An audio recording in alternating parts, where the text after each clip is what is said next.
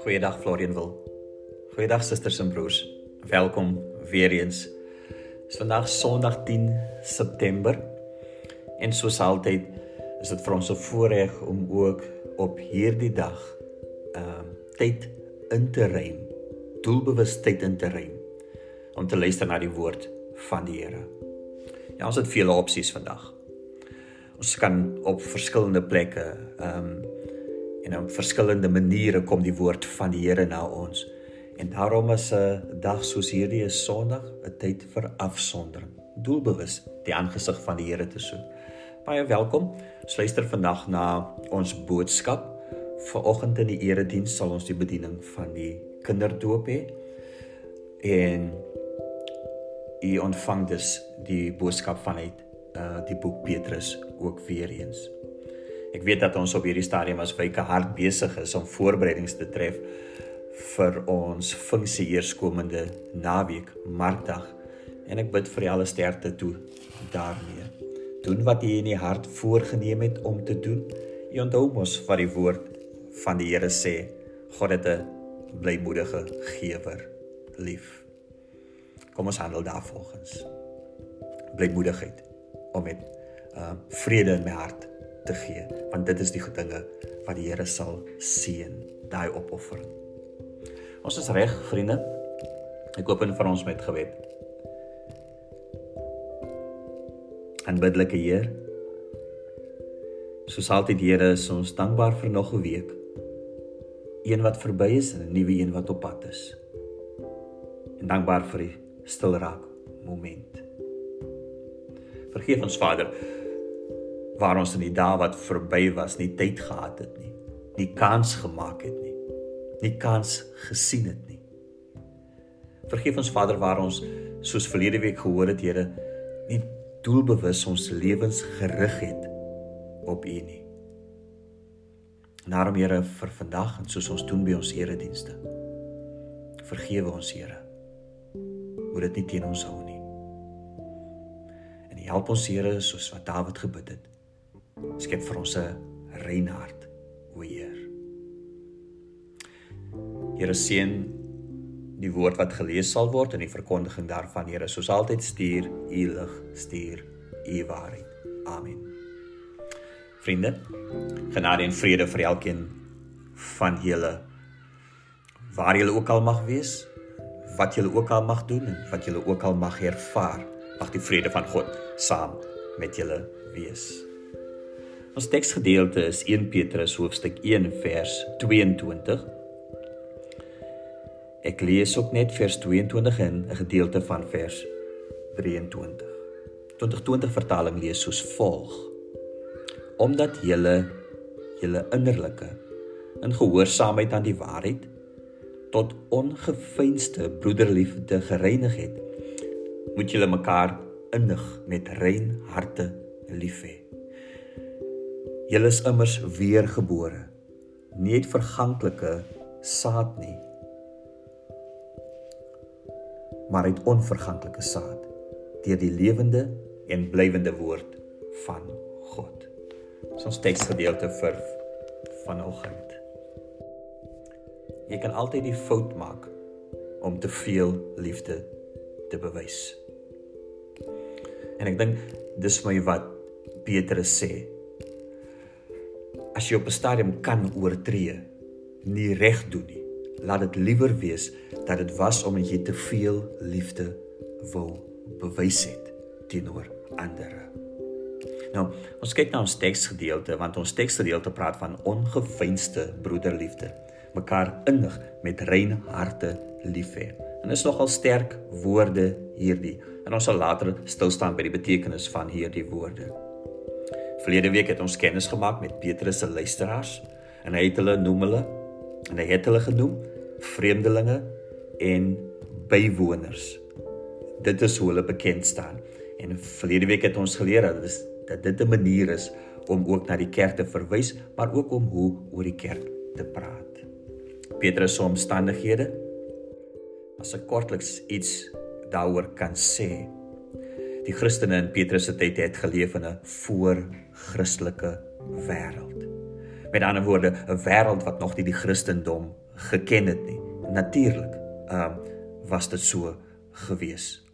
En daarom, as ons kyk na vandag, dan besef ons ook dat ons leef nou in 'n na-Christelike wêreld. En daarom raak 1 Petrus eintlik vir ons 'n baie belangrike boek om te lees, om te verstaan hoe leef Christene in 'n wêreld ehm um, wat waar daar nie soveel erkenning is vir Christene meer nie. Dit mag dalk by ons voel en vir ons lyk maar nee, ons wêreld is steeds Christelik, maar ons is werklik waar besig om te skuif weg van 'n Christelike wêreld af.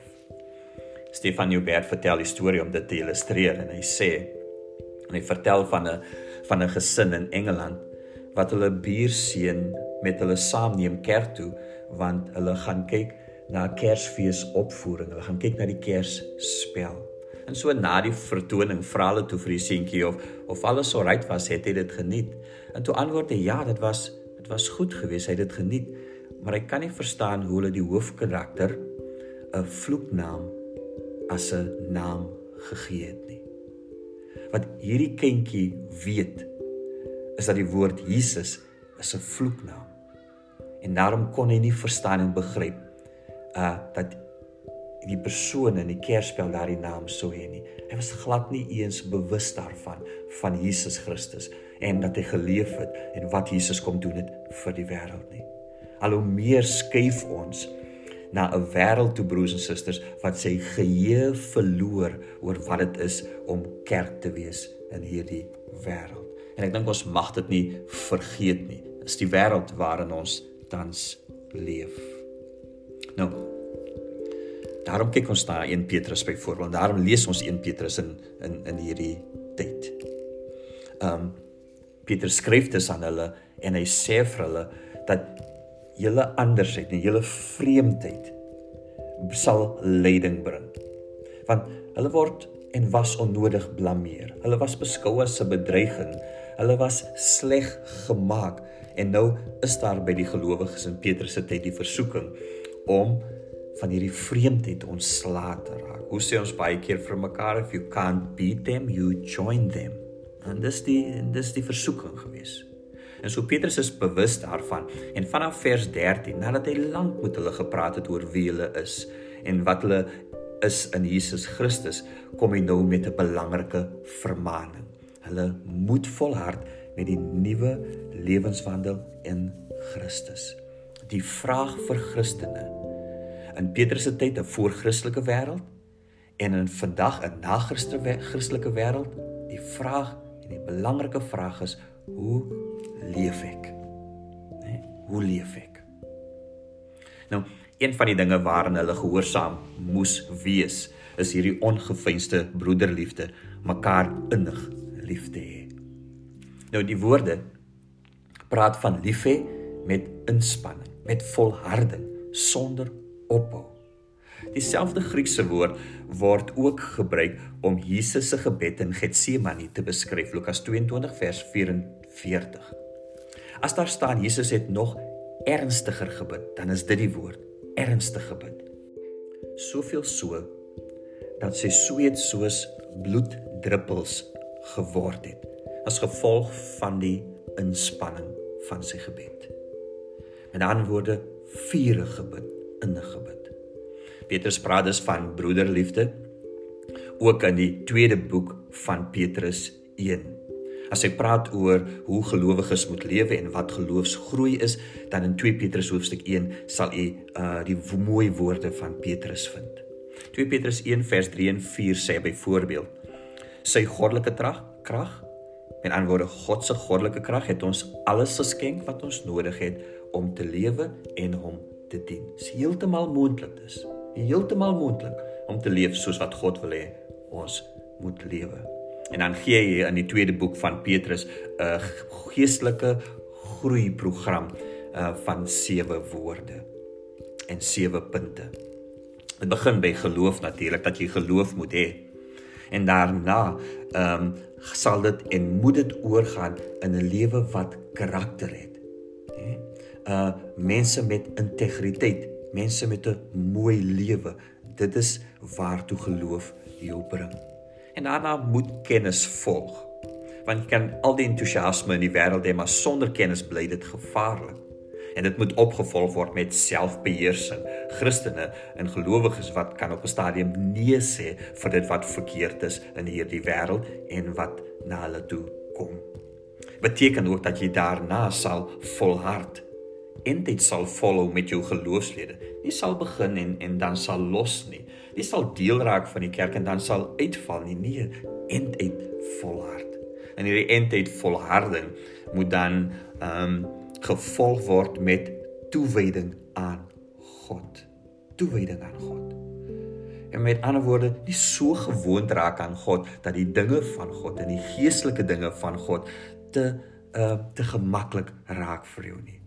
Dat God nie meer so belangrik is nie.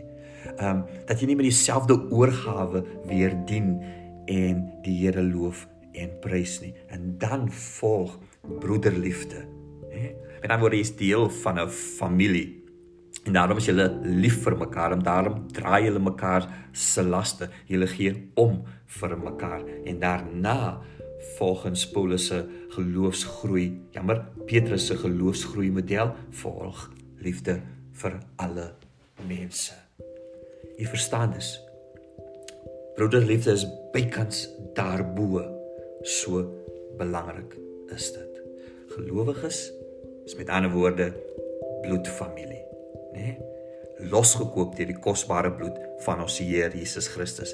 Ons is werklik broers en susters van mekaar. Nie deur geboorte nie, natuurlik nie, maar deur wedergeboorte, né? Nee, daardeur, deur die nuwe lewe, deur die feit dat ek gelowig is en ander gelowiges, daar moet ons lief vir mekaar. In Johannes 2 sê, wie sy broer of sy suster liefhet, bly in die lig. Maar hy wat sy broer of sy suster haat, is in die duisternis. Waar die vuurige liefde is vir jou broer en suster, daar is die hemel sigbaar. En dit is waartoe ons opgeroep word. Hier broers en susters moet ons onsself bekeer, sê Petrus. Tot hierdie vuurige liefde vir mekaar. Sodat ons met toewyding kan leef.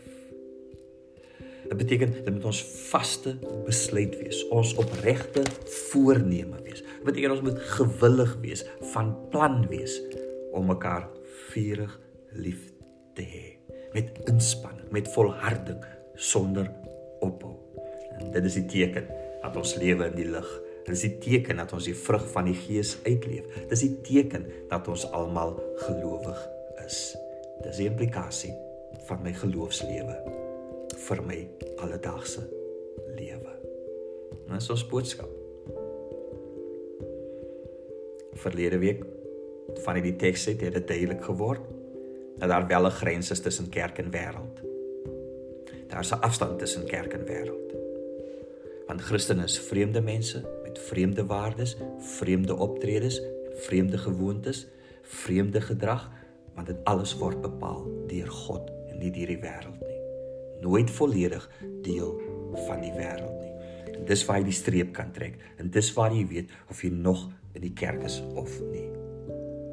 So vanuit vandag se teks leer ons ook dat vreemdelingskap beteken dat jy liefde het vir jou broer en suster as iets is wat jy doelbewus nastreef.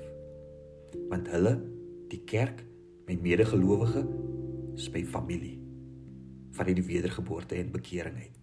Julle is my familie. My vraag is dis eenvoudig vandag. Terwyl ons vreemdelinge en bywoners is. Eenvoudige vraag vir Florian wil is: is ons lief vir mekaar? Maar werklik innig, vurig lief vir mekaar. Net sonder oordeel lief vir mekaar. Want is ons dan nie maar almal net medesoekers na God en sy genade nie. So sê maar almal ewe afhanklik van die Here nie. Is ons nie maar almal gelyk voor die Here as sy kinders nie. Ja, ek weet dit is nie so maklik nie, nê? As ons so rondkyk en ons uh, rondom ons in die kerk en ons sien almal raak en ons het mense gegroet voor ons inkom, uh nie altyd so maklik. Vra, dit vra 'n opoffering, nê? Vra opoffering. En daarom terwyl jy na die boodskap kyk, luister. As jy lief genoeg vir julle medebroers en susters om op te staan by geleentheid ook en saam te aanbid. mekaar te bemoedig en mekaar. Ek hoor soms die aanklag dat mense sê maar niemand gee om vir my nie. Niemand soek my op nie. Maar terselfdertyd moet ons ook vir onsself die vraag vra terwyl ek tog ook Christen is en gelowige is en vreemdeling is. Beteken my liefde vir my naaste dan nie ook dat ek opstaan en vir ander omgee en vir ander soek en vir ander bemoedig nie. Dit mos nie net 'n een rigting storie nie. Dit moet mos van beide afkom want dis wat vreemdelinge doen. Dis wat ons onderskei van die wêreld. Ons is 'n nuwe familie. En Jesus het hiervoor gebid. Johannes hoofstuk 17. Daardie mooi mooi gebed dat ons almal een sal wees, net soos wat Vader, Seun en Heilige Gees een is. Hoekom? Sodat die wêreld kan glo dat Jesus Heer is. Né? Nee? Sodat die wêreld kan glo en daarom sit ook ons getuienis staak. Broers en susters, ons sien tog onsself as mense wat moet uitreik na ander en vissers van mense af is. So wat bepalend is, is ook hoe lief is ons vir mekaar, want dit gaan bepaal hoe suksesvol ons ook gaan wees in ons uitreik na ander. Karel Barth het gesê dat 'n kerk wat nie erns maak met die eenheid nie, met ander woorde onderlinge eenheid nie, maar dit tog waag om sendingwerk te doen en daarvan iets verwag. 'n Saak is waaroor 'n mens jou maar net kan verwonder. Ons eenheid bepaal uiteindelik ook ons roeping en die uitleef van ons roeping. En daarom jy kan altyd die fout maak om te veel liefde te bewys. Amen. Aanbiddelike Heer, met 'n voorreg Here om na u woord te luister. Dankie Here vir die boek Petrus wat nou so relevant raak vir ons as gelowiges in die wêreld van vandag. Kom plant hierdie woord in ons hart. En waar dit ons rus onrustig maak, Here, gee Here dat ons daaroor met U praat. Of Here met ons broers en susters praat daaroor. En help ons Here om uiteindelik vreemdelinge te bly. Mag die genade van ons Here Jesus Christus, mag die liefde van God, mag troos en bemoediging van die Heilige Gees met elkeen van u wees. Want aan u behoort die koninkryk en die krag en die heerlikheid tot in ewigheid. Amen. thank you